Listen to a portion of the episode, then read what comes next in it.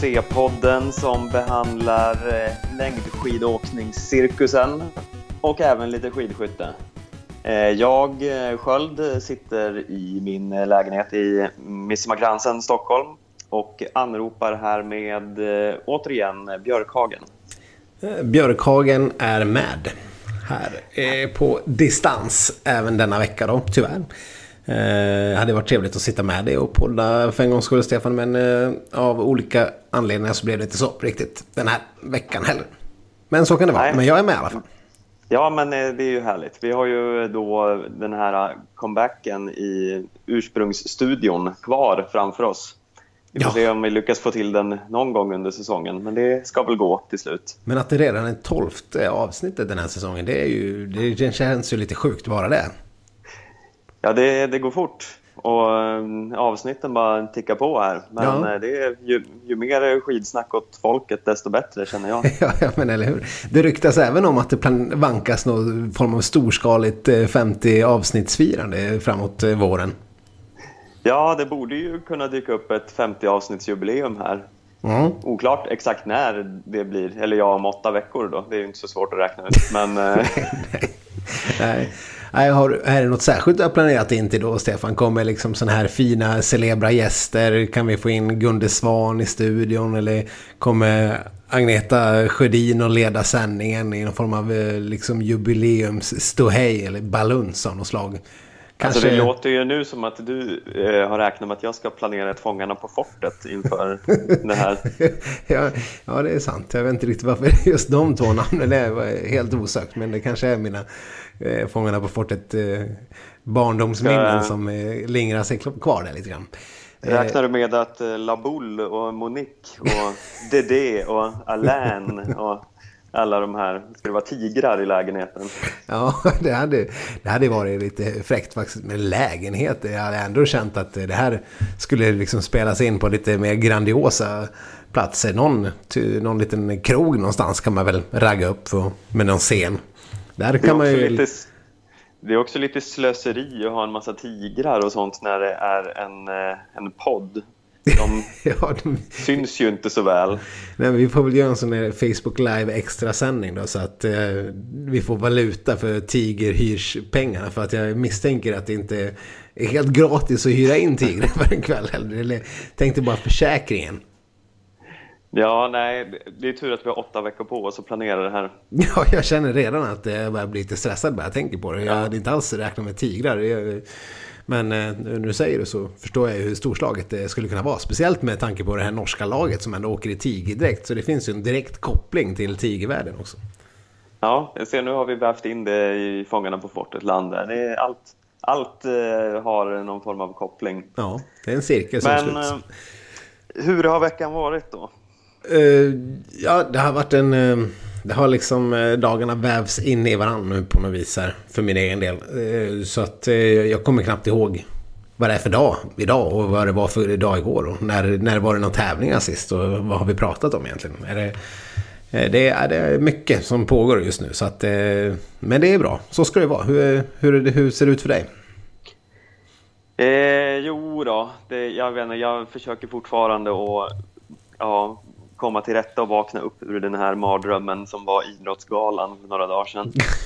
Jag, jag, jag missade faktiskt Idrottsgalan men jag har ju hört så väldigt mycket om den och jag har ju läst om den och jag har ju sett Anna Hags Instagram och grejer så att det, det verkar ju som att det har varit eh, magiska scener. Du kanske kan återge för oss, eh, för mig och alla andra som inte, inte var med, inte var där. Ja, det har ju inte varit något så prominent skidår så det var ju inga skidåkare nominerade i några eh, större eh, priskategorier så därav var det ju en tråkig gala bara i sig. Lars Nelson gick lottlös hem igen. Ja, det är för jävligt. Vad fan, när ska Kahn få sin eh, upprättelse undrar man. Ja, ja det, vi får hoppas på nästa år. Ja. Men det skidinslag vi fick var när Kristin Kaspersen helt plötsligt går ut i publiken och säger att Anna Haag och Emil Jönsson ska ackompanjera Charlotte Perrelli på scenen. Okej, ackompanjera? Hur då? Ska de Eh. köra eh, någon form av intervaller framför eller? Ja, alltså det är ju såklart planerat på förhand det här, men det var ju inövat som att det skulle vara på uppstuds. Mm. Men ja, det är ytterst oklart där. Helt plötsligt eh, i ja, Charlotte Perrelli framför, det var We are the champions eller något sånt där. Mm. Fräscht. Ja, eller hur? Väldigt 2017. Ja. Så Nytänk på Idrottsgalan, det gillar man. Det är bra. Mm, så kommer det några sekunder när eh, Anna Haag spelar fiol. Eh, ja, kanske tre, fyra sekunder. Och så ser man någonstans i bakgrunden att Emil står och eh, trummar. Okej. Ja. Så ja, det var vad som hände. Ett ytterst oklart inslag. Jag Ja. vet inte riktigt vad det, vad det skulle ge. Men hade Anna Haag så här folkdräkt på sig som man tänker, hon är ju liksom en eh, äkta kulla så hon kanske har gått i såna här eh, fina folkdräktsled och spelat i skolavslutningar där man spelar så här Äppelbo gånglåt och sånt du vet. Ja, nej, hon hade gala eh, kläder på sig. Ja, och det var inte Äppelbo gånglåt de eh, sjöng då? Nej, alltså det var ju We Are The Champions. Ja, ja jag förstår. Ja. Jaha, så hon hade gala. Hon, det var lite mer Linda Lampenius över eh, Anna Haag ikväll. Ja, eh, ja man ska Eller? ta något av dem så. Ja. Ja, Okej. men, eh, ja, nej, men det här var ju, det, ja, det här var ju absolut inte något av det värsta på den här galan, men det var, det var ett märkligt inslag. Mm. Och hur, hur är Emil på, eh, på drumsen då? Eh, ja, det, det märkte man ju inte för det skedde bara i bakgrunden. Mm. Det var inget som noterades. Han blev inte ens inzoomad. Det blev i alla fall Anna Haag. Ja, det kan man väl åtminstone begära om någon ska göra, hålla på med något sånt spex. Ja, Ja, så många äpplen får deras insats då? ja och den, den får eh, två äpplen. Två äpplen. Ja, men det är ju Ja. ändå, det är ändå godkänt någonstans. Så jag, det låter som att du uppskattar det här lite grann. Det väl- men du sa att det här också var kanske kvällens höjdpunkt någonstans. Ja, nej men eh, det... Alltså, du vet hur det är när idrottare ska gå på gala. Det, de är ju inte hemtama i de här miljöerna. Så det blir ju en tre timmars plågsam eh, ja, tortyr att sitta och kolla på när de ska föra sig i sammanhang de inte behärskar. Ja, det brukar vara en orgie i så här stela inzoomningar och, och tvärusla tacktal. Jag minns någon gång när Anja Persson skulle stå och hålla någon tacktal och liksom eh, höll ju på att skaka av scenen av nervositet, vilket man kan förstå. För att det är inte som skådespelare som, som har betalt för att stå och prata inför publik, utan det här är ju folk som, som eh, svettas för att, för att få pengar. Eh, Och det är inte riktigt det här sammanhanget som man vill stå och svettas, vilket många säkert ändå gör. Eh, nej, precis. Jag tackar ju i alla fall eh, högre makter för att inte Henrik Stensson fick Jerringpriset. Han fick ju gå upp eh, tillräckligt många gånger på scenen Ja. för andra priser. Och han tror ju att han är någon form av sköna killen som är superrolig, men det, det är han ju inte. Det är han väl, han är väl rätt skön. Ja, inte på den här galan i alla fall. Så du är team Peder Fredriksson i det här, eh, det här rabaldret som jag har märkt av efteråt? Absolut, jag, jag är med hästfolket. Är du en av de här hästtjejerna som ringde och tak taktikstödröstade 200 gånger? Absolut. Ja, okej. Stefan Ja. Sköld kommer ut som hästtjej här mitt i skitsnack. Det var lite spännande nyhet, men eh, jag kan köpa det. Jag, har, jag har egentligen ingen åsikt om vem som fick det där Jerringpriset. Jag förstår inte hur det ens är något man kan ha en åsikt om efteråt. Åsikten Nej, får man väl ha... och rösta. Ja, eh, man får väl innan. ändå ha sin åsikt innan och sen efteråt så får man väl bara acceptera hur det blev. Man håller på att ha någon diskussion och införa en, eh, en röstspärrar och sånt där. Jag har aldrig hört något så fånigt. Nej, det, är- det är ju inte ett sånt race. Så länge man blandar in allmänheten så får man ju räkna med att vem som helst kan vinna. Ja. Annars är det ju ingen poäng. Då kan man väl bara bestämma vem som vinner på förhand. Precis, annars skulle ju inte liksom eh, stora fartyg kunna döpas till Boat McBoatface om vi hade infört sådana här rigida eh, regler om allting. Så att nej, helt rätt. Jag, jag saluterar Peder Fredriksson jag också. Ja, men på tal om eh, Emil Jönsson och hans insatser som mellanakt i Idrottsgalan. Han blev ju något av en mellanakt i helgens teamsprint också. Ja, det eh, får man väl säga. Eller ja, mellanakt, eller ja, han hade väl någon form av huvudroll eh, på ett sätt, fast inte på något bra sätt. Nej, men han stod ju i alla fall för någon eh, humorshow som eh, var betydligt bättre än Idrottsgalans humorinslag. ja, jo, ja, jo, både Theodor och, och Emil visade i alla fall efteråt upp eh, prov på särdeles god och bra humor om man får vara man får recensera humor, vilket man inte får. Men det var ju, det var ju väldigt roligt efter deras, ja vad ska man säga, platta fall.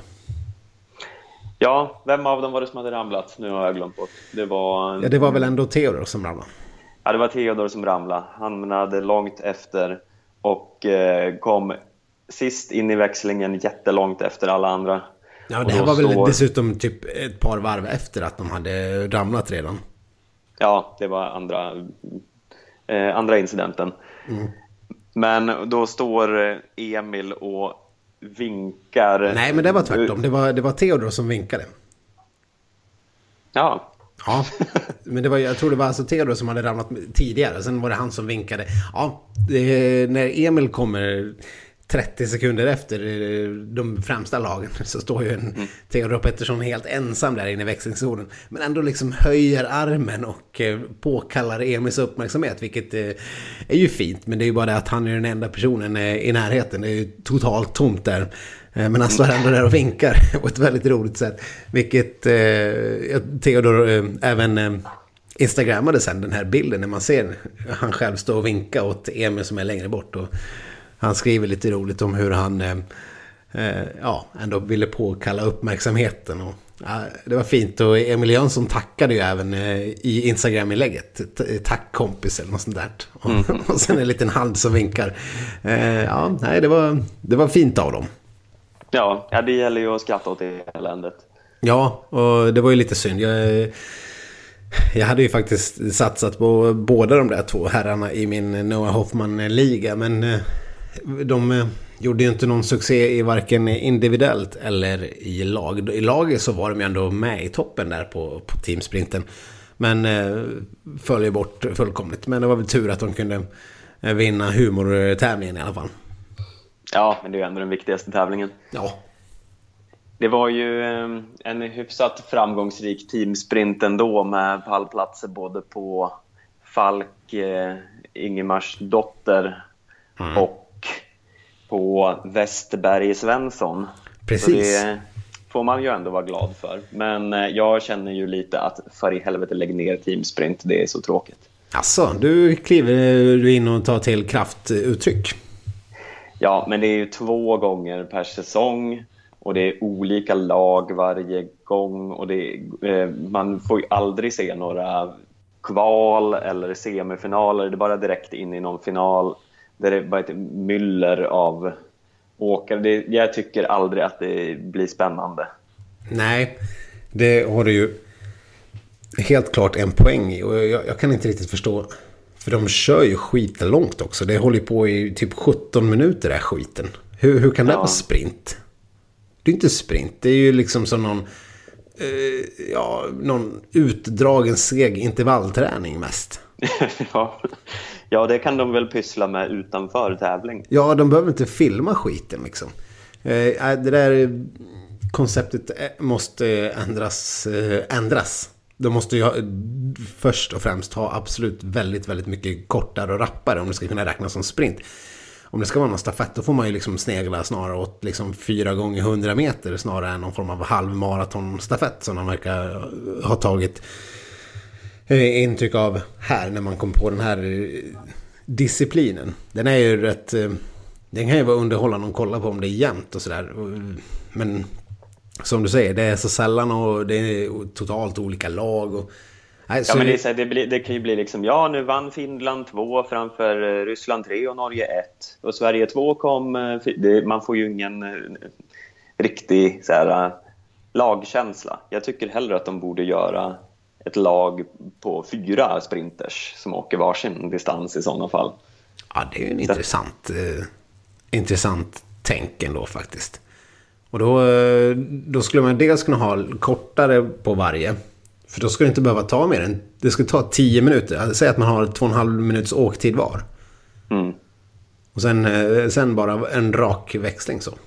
Det är Ja. så jävla dumt. Det här borde vi kontakta FIS med egentligen. Har ingen kommit på det här förut? Alltså vi har ju så mycket bra idéer hela tiden. Ja, men vad fan, hur många gånger ska vi säga åt dem att ta in oss i deras exekutiva kommitté? Vem, eh, Ja. Ni som lyssnar, om någon har numret till den här Vegard Ulvang eh, så kan ni väl ta och skicka det till oss. Eh, Eller ännu hellre om det är någon som känner honom rent av. Så tipsa honom om den här podden och framförallt en kvart in på det här avsnittet så, så han kan ta till sig det här och, och kontakta oss. Så vi, vi kommer inte begära allt för mycket Eh, pengar för idén. Nej, och det här kommer ju vara givna, given ökning av tittarsiffrorna världen över. Så det är ju, ja, Ja visst. jag förstår bara- inte hur man inte ska Nej, ta emot den här idén med öppna armar. Nej, när Jamaica har, när de liksom har sitt eh, sprintlag även, när det blir den här gamla bobsleigh, Jamaica have a bobsleigh team, även i skidvärlden. då, eh, då kommer ju världsintresset att bara skjuta i höjden, något helt eh, enormt. Så att då kan ni tacka oss när pengarna börjar rassla in. Ja. På tal om Jamaica så var det ju kul ett tag när man kollade startlistan när det var en thailändare topp fem. ja. Men det visade sig ju vara någon form av eh, tidsfel som Ja. justerades sen. Ja, det var där efter prologen eh, som man fortfarande inte kan se. Jag gjorde någon form av, jag hade lite Twitter-battle med SVT Sport för ett par veckor sedan. Eh, om just det här. Eh, varför man inte sänder prologen, för att det gör de inte någonsin. Förutom när det är typ mästerskap, där de eh, liksom lite på nåder kan sända den där skiten. Eh, ja, och då säger de att de har, eh, de svarar då på våra frågor och säger att man helt enkelt inte kan för att det kommer inte, det produceras inte utan de måste producera det själva. Eh, och vilket är, låter som lite bullshit för att det krävs ju bara att någon sitter och klipper in eh, grafik eller liksom väljer vilka bilder man ska sända ut av det man får in. Det är ju inte som att det krävs en, en, en stall på tio personer för att skicka ut den här skiten på SVT Play. Det här skulle två personer kunna göra och om man inte vill göra det kommenterat så är det väl bara att lägga ut den som det är. För eh, TV2, eh, norska TV2 lyckas ju uppenbarligen mönstra så mycket folk att man har råd att sända ut prologerna också. Vilket eh, Ja. jag gärna hade sett. Man vill ju gärna se när Stina ramlar till exempel. Om det blir så, eller helst inte se henne ramla förstås, men eh, ja, ni förstår. Nej, men om hon nu ramlar så vill man ju gärna veta att det har hänt. Ja, så att eh, jag hoppas att eh, det här kan bära frukt för framtiden. Då vet ni återigen vad ni ska rikta tack och eh, bock. Då ska vi prata lite om vad som kanske är eh, lite av skidsnacks expertisområde, nämligen eh, Är det kärlek? Ja, man skulle ju lätt kunna tro att det är liksom någon, någon nytt form av eh, power couple-par här i, i skidvärlden eller något eh, kärleksbarn som vi eh, vill berätta om eller som vi önskar. Inte riktigt eh, där, men det är liksom ändå i, i de faggorna. Eh, ett eh, gammalt hederligt eh, bråk. Ja, härligt. Och det är ju inte vilket bråk som helst. Det här är ju ett bråk mellan två av skidvärldens eh, kanoner. För tidigare var det ju Hellner och Ustjugov. Det är ju inte några, det är inte några dussin barn det heller. Får man väl ändå säga. Nej, nej, verkligen inte. Eh, Men det här smäller väl nästan ännu högre när det är beef eh, mellan eh, Sundby och Magnificat, den eh, franska giganten. Eller vad säger du? Ja, det, den här var ju väldigt, ja, den var ju väldigt oväntad, Mm. tycker jag. Det var ju inte så att jag hade väntat mig just Jugov Hellner heller, men, eh, men den här, ja, den, den kändes konstig. Ja men Sundby kan ju vara en stingslig typ, det har man ju förstått. Eh, rätt, eh, vi var ju inne på det där med journalisten som han hade portat tidigare och ja och sen ja, dopingavstängd och ja och sin, sin lilla tramp stamp tatuering. Ja det finns, det finns mycket mörka sidor hos, hos Sundby. Men eh, med Magnificat eh, vet jag inte, han har alltid verkat vara en så jävla glad typ tycker jag. Ja, och de här två ska ju ha varit ganska goda vänner också. Så det har ju någonstans här eh, slagit slint. Eller det har, det har uppstått ett litet kallt krig här, kan man säga. Ja, vad är recapen av bråket? Själva essensen, vad säger de? Ja, Magnifica sa i, en, i ett uttalande tidigare angående alla dopingskandaler eh, som har varit så sa han hur kan Norge döma ryssarna och kräva stränga straff om de själva inte har rent mjöl i påsen? Mm. Är Norge verkligen bättre än ryssarna själva? Det är ett problem för längdskidåkningen när det handlar om den största nationen. Det är olyckligt. Det är olyckligt. Det får man väl ändå säga att det är ord som vi kan eh, skriva under på till viss del. Visst att det kanske är lite och i överkant att jämföra norska misstankar eh, med ryska. För ryska är man väl ganska mer säker på att det de facto finns en ganska grov eh, dopingapparatur bakom, som ligger bakom på rent av statsstyrd nivå. Vilket inte riktigt är... Det är inte som att kung Håkon har klivit in och, och styrt upp eh, doping, avancerad doping eh, i, i, norska skidvärlden eller idrottsvärlden. Skulle jag inte tro i alla fall. Eller det, det hade ju varit en jävla skräll. För att inte stöta oss med hela den kungliga världen här så är väl ändå Harald kung fortfarande. Ja, just det. Håkon. Vem är det? Är det någon pojke? Men det är ju kronprinsen. Ja, just det. Mette-Marits eh, man. Precis. Vi skulle haft någon från uh, den här, från uh, Svensk Damtidnings uh, Podd Royal här och rätt ut de här begreppen. Vem är egentligen ja. kung i Norge? Som, det, hade varit, det hade ju varit någonting att reda ut också. Ja, men... det, är, det är ju ganska lätt att reda ut själv i alla fall. Ja, det, det har vi ju gjort nu. Eh, verkligen. Och vi hade faktiskt en Podd Royal-medlem med i ett avsnitt av eh, Skitsnack tidigare när det var något annat eh, kungligt vi skulle reda ut. Men nu verkar Podd Royal ha eh, seglat till de sista jaktmarkerna. Det var inte riktigt rätt uttryckt, men ni förstår vad jag menar. se, se, seglat, det gör man inte. Nej, men eh, hur som helst. Jag vet nu. inte riktigt vad du håller på och babblar om nu. Men... Nej, totalt. För att återgå till ämnet här så eller ja, det hade ju varit, det hade ju varit en väldigt eh, rolig skandal om eh, kung Harald hade styrt den norska dopingapparaten. Ja, jo men eller hur? Vem är det som säger att det inte är så? Det, han är ju en, eh, en eh, idog skid-VM och OS-besökare och eh, en, en mycket intressant...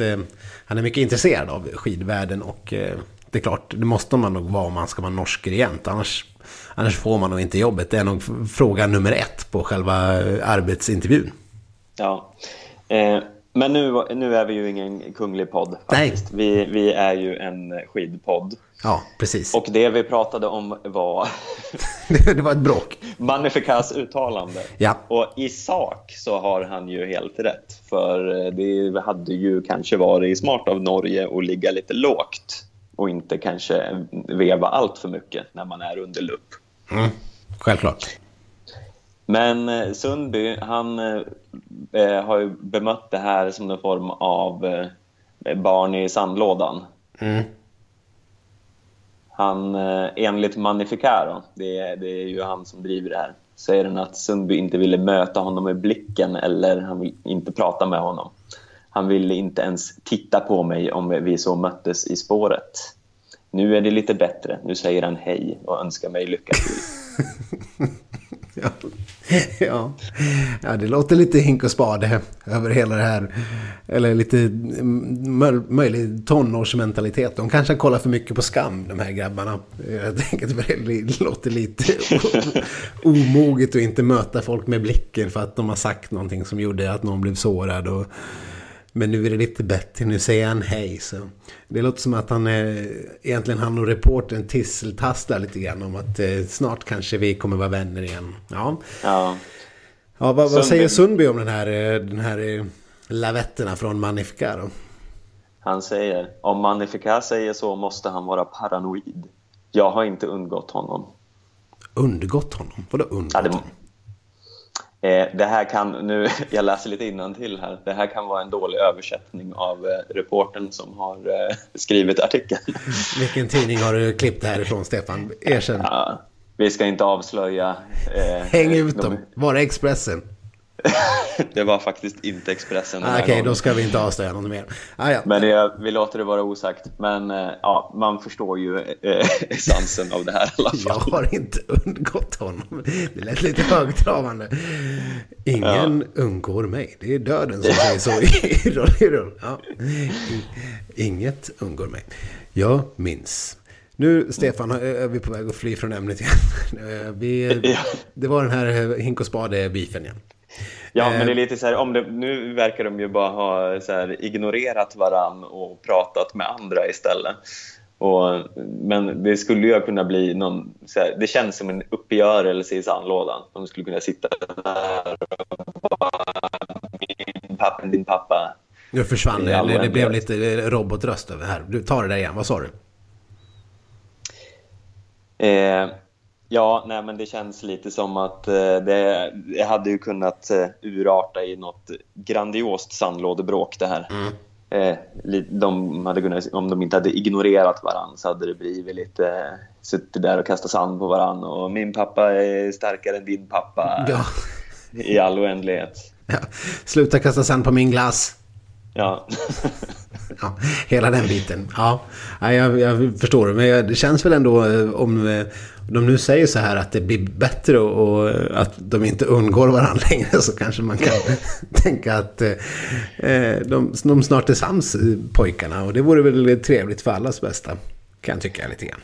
Ja, jag, ändå, jag googlar lite på dem. Jag har sett lite fina bilder när de eh, intervjuas tillsammans och ser, ser lite, ja, nästan småkära ut. Ja, vad trevligt. Vi får väl se om vi kan eh, ha någon aktiv spaning här. De här herrarna ska väl komma till Sverige vad det lider när det är tävlingar i Ulricehamn och Falun och allt vad det är. Jag vet inte, Ulricehamn var väl mest massa sprint så de kanske inte är med där riktigt de, men eh, eh ja, det är ju, det är ju det är inte så lång tid kvar att vässa på VM-formen så att de kommer nog att behöva mötas i i eh, världskuppen snart framöver. Man längtar lite grann tills det blir lopp när alla bästa är med och inte de här eh, urvattnade Toblach eh, och, och de där äventyren som har varit senaste veckorna. Mm. Eh, det, och det här vet man ju inte riktigt eh, hur det kommer lösas. Det är Ustjugov, han hotar ju med stryk. det, det gör de ju inte riktigt här. Nej, det är, men ändå. Fransmän, det vet man. De, de är inte de som... Jo, det är de ju faktiskt. De är ju riktiga harkankar. Det är ju, det är ju varenda krig någonsin visat. Så att, eh, det är, jag får nog sätta mina pengar på Norge. Om han inte... Om inte han visar sig vara någon sån där quisting. Ja, men Ja, det är lite med kalla kriget där, så vi får se vem som lägger arsenik i vems gröt. ja, precis. Ja, nej, vi får se. Det blir, det blir en spännande fråga som vi får återkomma till. Ja, det sa bara Schlof den här eh, helgen eh, också. ja, Schlof, fast, Schlof. In, fast, fast, inte från Schlof själv, utan eh, en annan i den enorma eh, svenska bredden inom skidskyttet. Ja, men är det inte skönt, Stefan, att vi numera har en sån enorm bredd i skidskyttetoppen på, för svensk del? Det är, ju, det är ju vinst på vinst på vinst i världscupen nu för tiden igen. Eh, som, ja. på, eh, som på Fors, Magdalena Forsberg och eh, Helena Ekholms tid igen. Liksom. Ja, eh, och ingen kan säga något annat. Nej, det är, Ola Brännholm, allt är förlåtet. Kom tillbaks. Det är, ja. det är en sån bredd så att man baxnar. Eller i alla fall lite hopp om livet kanske om man ska vara lite seriös. Ja, men faktiskt. Hanna Öberg eh, visade ju form i helgen. Hon mm. eh, körde ju eh, in en sjätteplats, om jag inte missminner mig, eh, på första loppet. Mm. La sig upp bland det här är eh, riktiga toppåkarna runt henne. Det var Kukalova, Mäkäräinen, Dahlmeier och eh, Virer och de här mm. som verkligen ligger topp fem i eh, totalkuppen. Och så mm. var det Hanna Öberg där. Ja, eh, jag hoppas ni fick med det där. Det låter lite grann som att Stefan sitter på Mars och eh, skickar tillbaka den här sändningen från skidskytte. Men det, eh, det, det struntar vi det, det är bara bra. Det ger lite känsla och nerv det, att, att det är lite Marsvågor. Men Hanna Öbergs framgångar är ju ändå något som inger... För hon är ju typ, vad är hon, 19 bast eller någonting sånt, den här tjejen. Hon är junior fortfarande. Eh, nu eh, ställer du en sån här fråga som jag känner att jag borde kunna svara på. Eh, men eh, inte riktigt kan på rak arm. Men hon är väldigt ung i alla fall. Ja, men visst är hon det. Och, eh, det känns ju ändå som att eh, Wolfgang Pichler börjar eh, på riktigt vara någonting eh, på spåren. Om man, ska, om man får använda det uttrycket när det gäller eh, svenska åtminstone framförallt damlandslaget. Det är det som Wolfgang har varit med och lyft fram. Liksom. Men det har ju varit så extremt eh, eh, torftigt sedan eh, Ako och Helena Lav. Så att eh, allt som... Eh, Eh, allt som överhuvudtaget är lite av toppnoteringar är ju sånt som gör att Ola Brännholm kan utropa att vi har en, en enorm bredd. Vilket kanske är lite väl optimistiskt men ändå att vi har en typ 19-åring som eh, kliver fram och är, eh, vad var sa du, sexa?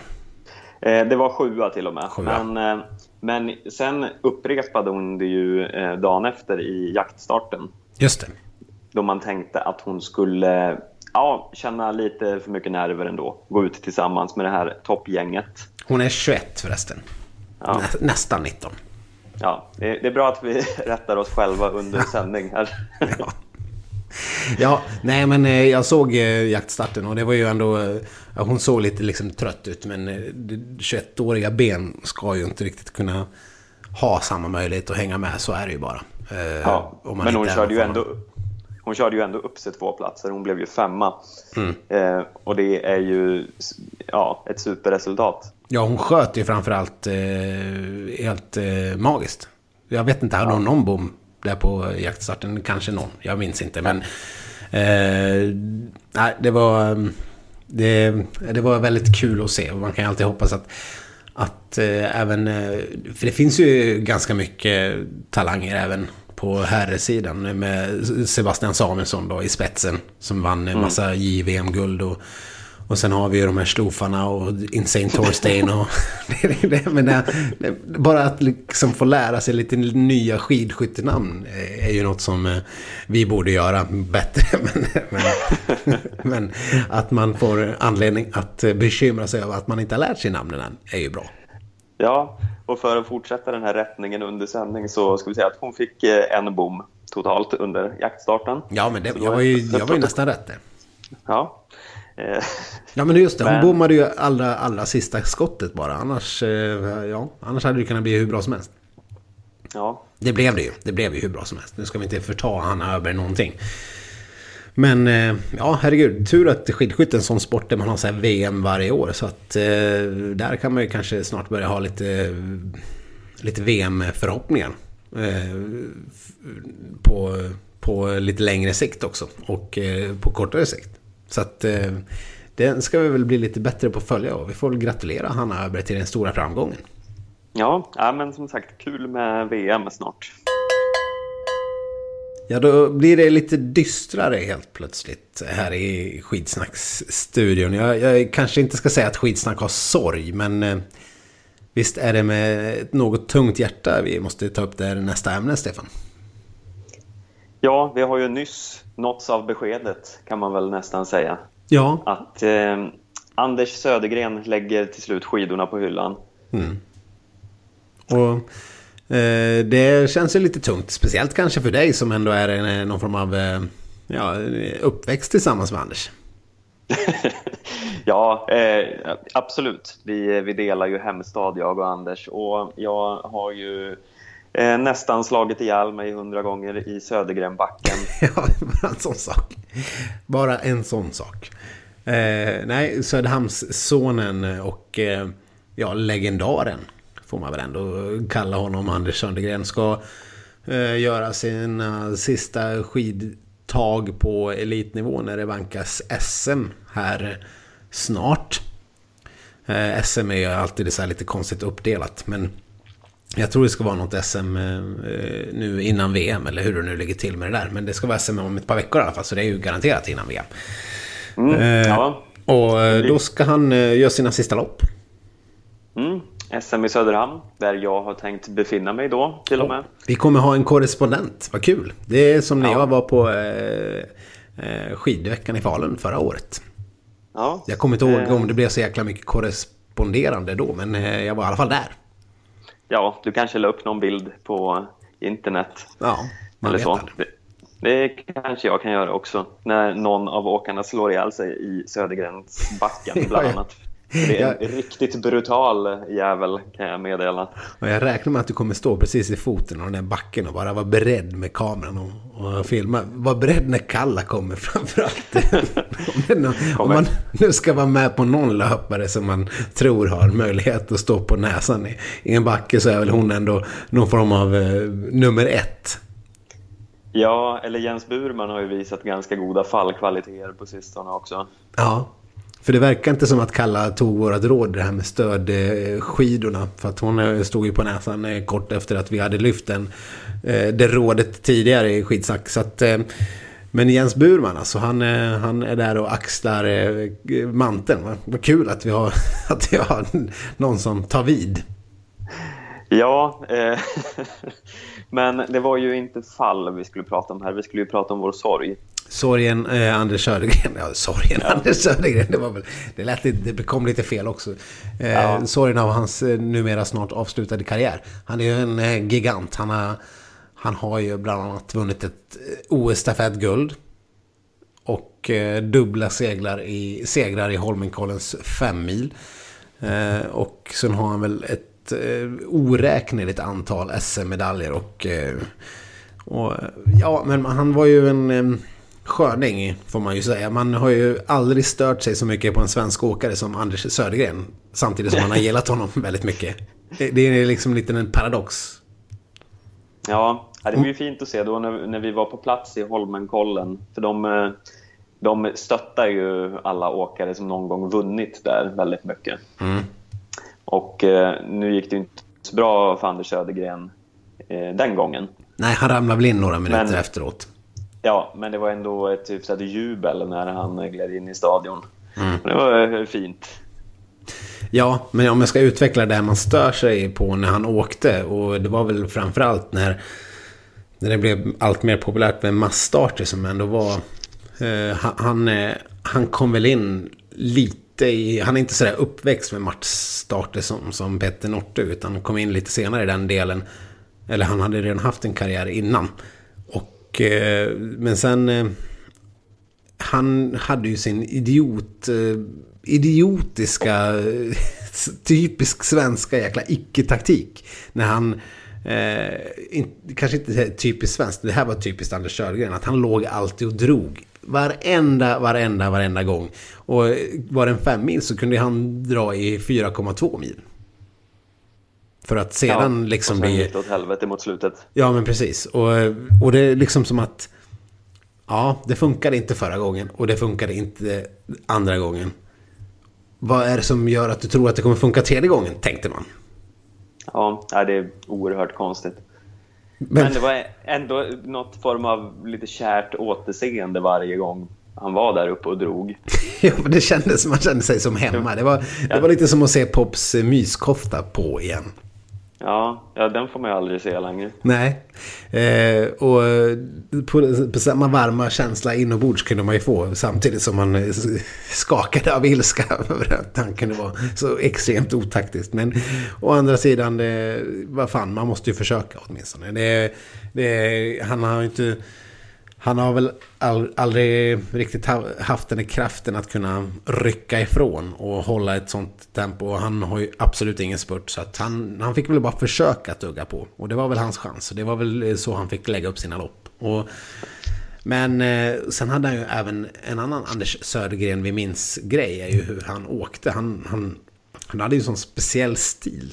Som... Eh, jag vet inte hur man ska liksom... Men någon knyckig stil. Upp, som att han eh, och så upprätt som att han hade någon form av eh, pinne uppstucken i, i sig. Men jag tänker lite att det är så som Anders Södergren åkte som FIS vill att den klassiska skidåkningen ska se ut. Ja. Så där eh, lite graciöst, eh, storslaget. Mm. mm. Jo, men det, det, är lite så här gamla goda, gamla goda skolans åkning. Även, mm. även hans fristil var ju ganska karaktäristiskt. Samma där, liksom någon form av ryckigt men eh, liksom så väldigt tydligt. Ja, svårt att förklara men eh, en extremt eh, speciell stil. Men framförallt så kommer också, han var ju aldrig liksom arg. Han var ju alltid så glad. Fast det hade gått åt helvete. Någonstans. Ja. Han hade många fina sidor. Så ja, det känns, eh, känns trist men kanske ändå på tiden. Mm. Så vi får väl hoppas att han kan eh, ta någon liten eh, medalj här i SM. Och sen är det ju någon form av SM 5 mil vad det lider. Det brukar vara så här typ sist av allt i säsongen. Så att då kanske man får slå på tvn och njuta av den här klassiska svenska skidåkaren än en gång. Vi måste prata om Petter Northug än en gång. Åh, äntligen! Det, har, det kan ju inte gå ett avsnitt utan att vi pratar om Petter Northug. Det hade ju varit lite trist. Vi har väl redan nämnt honom idag om jag inte helt, eh, eh, minns helt fel. Men eh, man kan ju aldrig prata om honom för mycket riktigt, eller hur? Ja, nej, det är helt rätt. Men nu verkar han ju ha blivit helt eh, Filipnovskij uppe där på det här höghöjdslägret som han är på. Ja, vi har inte sett så mycket av eh, Petter Northug den här säsongen. Han var väl, eh, var det hemma i, eh, vad heter det? Ja, där de håller på och åker. du vet. Deras motsvarighet till Bruksvallarna. Beitostölen. Ja, precis. Var inte han med i något lopp där i början av säsongen och sen något världscuplopp där han totalt och sen blev det inget mer bara liksom. Ja, han var med i Ruka och sen har vi inte sett till honom. Nej. Han fick ju order att vila. Just det, han var övertränad. Men eh, ja, precis. Nu verkar det ha lite... Det har man ju sett på sociala medier nu. Att det verkar ha slagit lite slint. Hur mår han egentligen? Ja, eh, först la han upp någon eh, bild när han åker i en skidlift. Mm. Eh, bara glider förbi där och ja, oklart riktigt vad han håller på med. Ja. Eh, sen la han eh, upp en bild på lillebror Thomas i en supertight skiddräkt där, som vad ska man säga, accentuerade hans eh, privata delar. Ja, eh, om man ska vara brysk så var väl eh, en tydlig pungsäck kluven i två på något vis på grund av tight eh, skiddräkt. Så att eh, det var som en, en manlig camel toe kan man väl säga. Om eh, ja. ni inte vet vad en camel toe är så får ni helt enkelt googla. För jag tänker inte förklara det på något annat sätt eh, än att nämna det just här. Det, det finns faktiskt barn och andra som lyssnar på detta.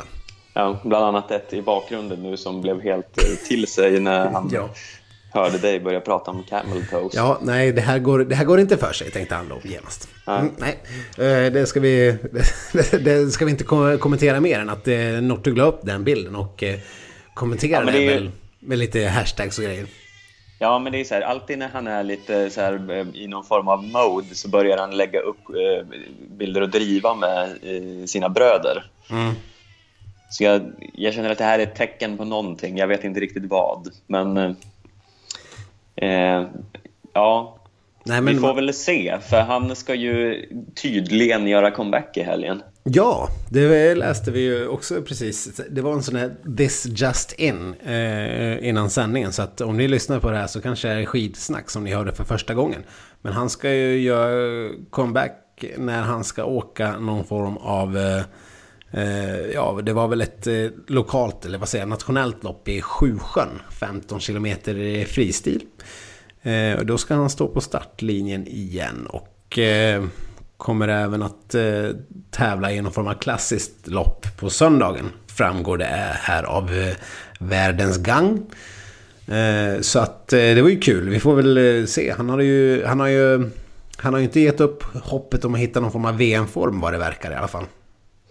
Nej, han har ju gjort något litet härligt uttalande här om sin kamp med Ustjugov. Ja, vad säger han då? Han säger att eh, jag får se om jag ska gå om under loppet eller ta han på upploppet. ja ja, blygsam som alltid. Men det är, väl, eh, det är väl på något vis ändå helt rätt. Han måste väl eh, ha den eh, inställningen. Om inte annat så kanske han kan lura sig själv till att liksom hitta någon form av form.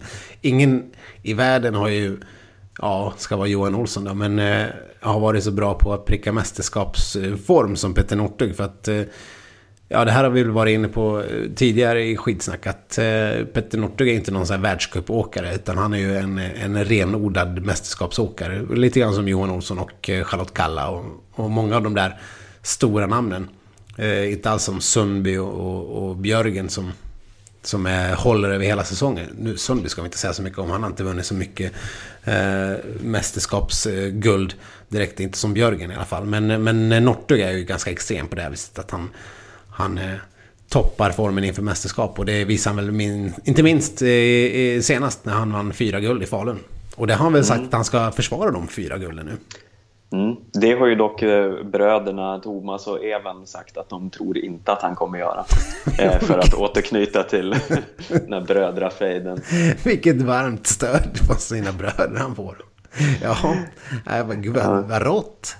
Ja, Eh, jag såg någon liten eh, intervju med de tre tillsammans i NRK, tror jag. Mm. Och ja, De trodde ju att eh, de, de var ju på hans sida, att han skulle ta, ta några medaljer, men inte riktigt så många. Nej, Nej vi får väl se. Det, det är, egentligen är det nog bara Petter Northug som som har en aning om det där idag för att han skulle nog kunna mörka en form hela vägen fram till första loppet i VM. För att han vet ju att han kommer få starta de loppen han vill. Oavsett vad han visar upp. Liksom. Det, så är det ju bara. För han är Petter Northug och han har så extremt framgångsrik. Så att det, det, är klart han får åka vad han vill. Men sen, det måste sen... vara oerhört skönt att vara Petter Northug i norska landslaget. För de andra får ju stånga sig blodiga. Det är ju så här tjuren Ferdinand-nivå på att ta, ta sig en plats i det här laget. Men sen kan det väl ändå bli lite intressant. Tänk om han faktiskt misslyckas. Eh, det, det, brukar alltid börja med en sprint, så är det ju det här VMet också. Om han misslyckas där, vilket han mycket väl kan göra. Eh, och sen inte lyckas i de nästföljande loppen heller. Om han ändå kommer ha en given plats i stafettlaget som avslutare. Det känns inte lika givet. Jag menar, han har ju varit ifrågasatt inför mästerskap förut och det var så här. Det var, jag kommer ihåg, det var något VM eller OS där det var så här att det är inte alls säkert att han kommer få åka stafett. Och sen, sen sopade han ju rent och körde hem stafettguldet också såklart. Som, som mm. han skulle göra, det var liksom skrivet. Men den här gången känns det inte riktigt lika givet, tycker jag i alla fall. Nej, inte så här på förhand, men eh, det är ju några, några veckor kvar. Det eller ja, det är ju ett tag kvar innan VM, så han kan ju hinna visa någon form av begynnande form. Och bara han gör det så kommer han ju vara självskriven.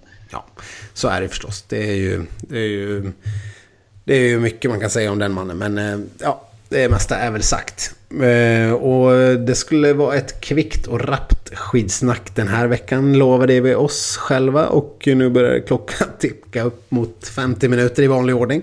Så det är väl kanske dags att ja, runda av för den här veckan, Stefan. Ja, eh, eh, vi tackar för oss och eh, uppmanar er att eh, surfa in på Facebook, Instagram, Twitter och så vidare och interagera med oss.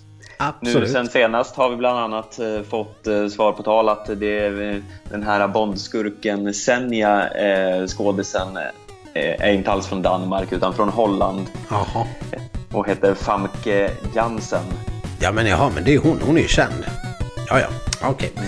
Ja, nej, men visst, så kan det vara. Eh, vi, vi är glada över att bli rättade på det här viset. Det finns även lite intressanta Nordic Ski PhD-inlägg ni kan läsa genom att klicka in på skidsnack.com och följa länken i kommentarsfälten. Eh, och annars som sagt, möt oss gärna i sociala medier. Och eh, nu får vi väl bara återstå att önska alla en eh, väldigt fin vecka. Så hörs vi om ett tag igen. Det gör vi. Mm. Hej då!